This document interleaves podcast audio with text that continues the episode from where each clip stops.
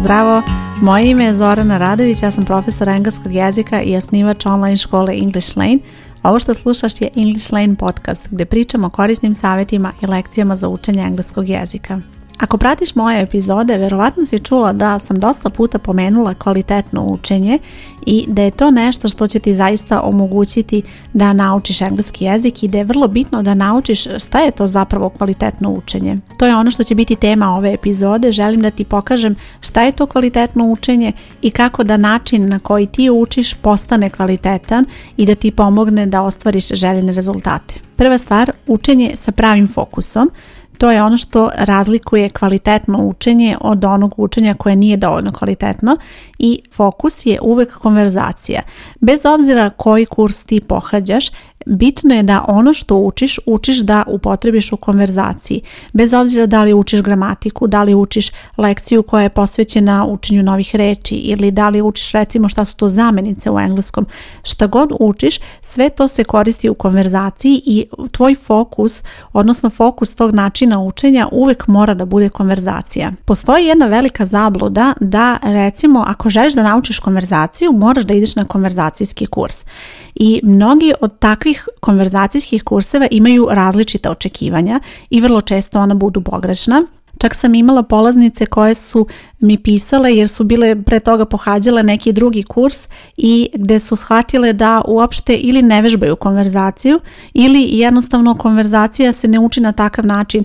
kao što ti želiš. Ili recimo dešava se da neko upiše konverzacijski kurs u nadi da samo priča na engleskom, a ti zapravo ne možeš da naučiš engleski samo da tako što ćeš pričati jer na koji način ćeš naučiti pravila, na koji način ćeš naučiti nove reči ako to ne uradiš kroz lekcije, vežbanja zadatke i tako dalje. Zato je bitno da kurs koji pohađaš ima taj fokus da bude fokusiran na konverzaciju, odnosno kako se sve to koristi u praksi, a to ne znači da samo treba da pričaš na engleskom, jer kažem, ako samo pričaš na engleskom, ti tu dobiješ vežbu, stičeš sigurnost, ali nemaš mogućnost da naučiš nešto novo jer to radiš u okviru lekcija. Osim pravog fokusa, kvalitetno učenje mora da bude i sa pravim ciljem. Tvoj cilj je da se oslobodiš i da naučiš da pričaš na engleskom i to je nešto što moraš da imaš u vidu uvek kada učiš engleski, kada dođeš do neke lekcije koja ti je malo teža, kada vidiš da ti možda nešto ne ide baš onako kako si očekivala,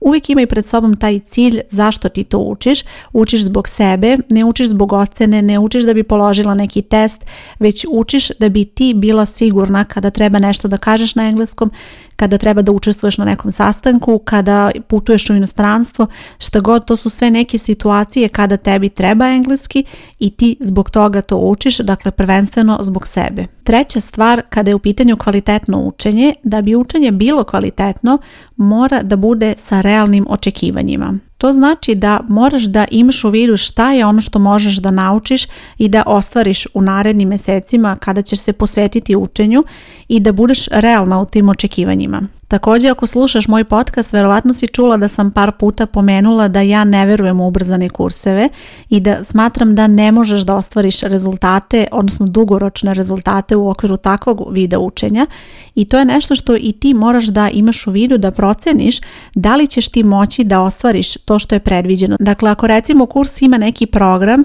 da, moraš da provjeriš da li ti to možeš da ispratiš, da li ćeš moći da učiš tako je kako je predviđeno ili ne. Jer ako ne možeš da ispratiš to, onda bolje i da ne započinješ takav kurs jer jednostavno nećeš moći da ispratiš sve i samo ćeš na kraju izgubiti vrijeme. Vrlo je bitno da tvoje očekivanja budu realna i da znaš ono šta možeš, koliko možeš i da onda u skladu sa tim izabereš način učenja koji će tebi odgovarati i koji će ti pomoći da ostvariš sve to. Sljedeća četvrta stvar, da bi učenje bilo kvalitetno, moraš da učiš na pravi način, odnosno da imaš adekvatan program, jer to je nešto što je vrlo bitno da bi učila engleski jezik. Imaju u vidu da postoje razni kursevi, razne škole, razni profesori i ti u svemu tome moraš da pronađeš ono što će tebi odgovarati i ono što će biti kvalitetno. Nisu svi na istom nivou kvaliteta jednostavno obuka nije uvek u e, skladu sa onim što ti očekuješ da ćeš dobiti i zato je bitno da program koji odabereš bude zaista ono što si očekivala, da bude kvalitetan, da ti pomogne da lepo naučiš engleski jezik, da ne bude nekih problema u okviru tog programa ili da recimo postoje lekcije koje nisu dovoljno jasne ili da e, nemaš mogućnost da dobiješ pomoć onda kada ti je potrebna. Peta stvar koja je vrlo bitna za kvalitetno učenje je da to učenje mora biti bez pomoći koja nije odgovarajuća. To ne znači da ti nije potrebna pomoć tokom učenja, naprotiv pomoć ti jeste potrebna i treba da imaš pomoć profesora, nekoga ko će te voditi kroz ceo proces, ko će moći da ti odgovori na sva pitanja, ali postoji druga vrsta pomoći koja nije odgovarajuća i koju nikako ne smeš da koristiš, a to je pomoć u vidu rečnika, u vidu lekcija i tako dalje. Kada ti radiš neko vežbanje, neki test ili neki zadatak, ti imaš mogućnost da to samostalno uradiš, što i treba da uradiš, a imaš mogućnost da pogledaš neku reč u rečniku, da pogledaš u lekciju, da vidiš da se podsjetiš samo malo kako to veše, kako se piše ta reč i to već nije dobar način učenja. Ako ti ne umeš da uradiš nešto bez pomoći, onda to nije naučeno i to znači da moraš da se vratiš. Ako dođeš u takvu situaciju, imaš pred sobom vežbanje, test, zadatak, šta god i ne znaš da uradiš bez pomoći, ostavi to vežbanje test, odnosno zadatak za neku kasniju priliku i vrati se na učenje. To znači da moraš ponovo da učiš tu gramatiku ili te reči koje si već naučila, pogledaj ponovo, nađi drugačiji način kako ćeš sve to naučiti, pa tek onda probaj da uradiš to što se od tebe očekuje. Imaju u vidu jedno, kada treba da upotrebiš sve u konverzaciji, ti nećeš imati pomoć, nećeš imati nekog pored sebe koji šapuće kako se koja reč čita ili eh, kako treba da odgovoriš na neko pitanje, već ćeš to sve morati samostalno da uradiš. To isto primeni i kada je u pitanju provera u okviru kurseva koje pohađaš. Na isti način razmišljaj i probaj da uradiš sve što možeš bez pomoći onoliko koliko znaš u tom trenutku i vremenom kako napreduješ bit ćeš bolje u svemu tome i ono što možeš da kažeš na engleskom će biti sve bolje. Probaj da kažeš ono što možeš u ovom trenutku kada radiš tu aktivnost, a vremenom će to sve biti bolje ako budeš naravno učila kvalitetno. Sljedeća stvar koja je bitna kada je u pitanju kvalitetno učenje je to da ne sme biti lažnih rezultata. To se odmah nadovezuje na ovo prethodno. Ne smeš koristiti pomoć da bi uradila neku aktivnost jer na taj način ti prikazuješ svoje rezultate onakvim kakvi oni nisu i na taj način stičeš utisak da možda nešto znaš da uradiš, a zapravo ne znaš. Na taj način dobijaš tu lažnu sliku o svom napretku i o svom trenutnom znanju i pre ili kasnije doći ćeš u situaciju da shvatiš da ne znaš dalje, da ne možeš dalje i da prosto ono sve što si učila, ono vrijeme koje misliš da si uložila, shvatiš da nisi uložila na pravi način. I posljednje što je bitno za kvalitetno učenje je da moraš da učiš tako da je sve važno. Ne smeš da izostavljaš neke delove, posebno delovi koji ti možda deluju malo teži ili delovi gde ti treba više vremena da bi nešto savladala. Ne smeš ništa da izostaviš, već moraš da učiš sve. Kada je u pitanju učenja engleskog jezika, vrlo je bitno da uradiš sve aktivnosti koji tebi pomažu da budeš uspešna u konverzaciji. I to ne znači samo da treba da naučiš lekcije, da naučiš gramatička pravila, već znači da moraš da naučiš reči, ali moraš da naučiš i izgovor tih reči, što znači da moraš da vežbaš izgovor, da aktivno koristiš reći, moraš da vežbaš slušanje, moraš da vežbaš pisanje, čitanje na engleskom, sve to zajedno čini konverzaciju i vrlo je bitno da kada ti učiš kvalitetno, da ti shvataš da je sve to važno i da posvetiš pažnju svemu tome.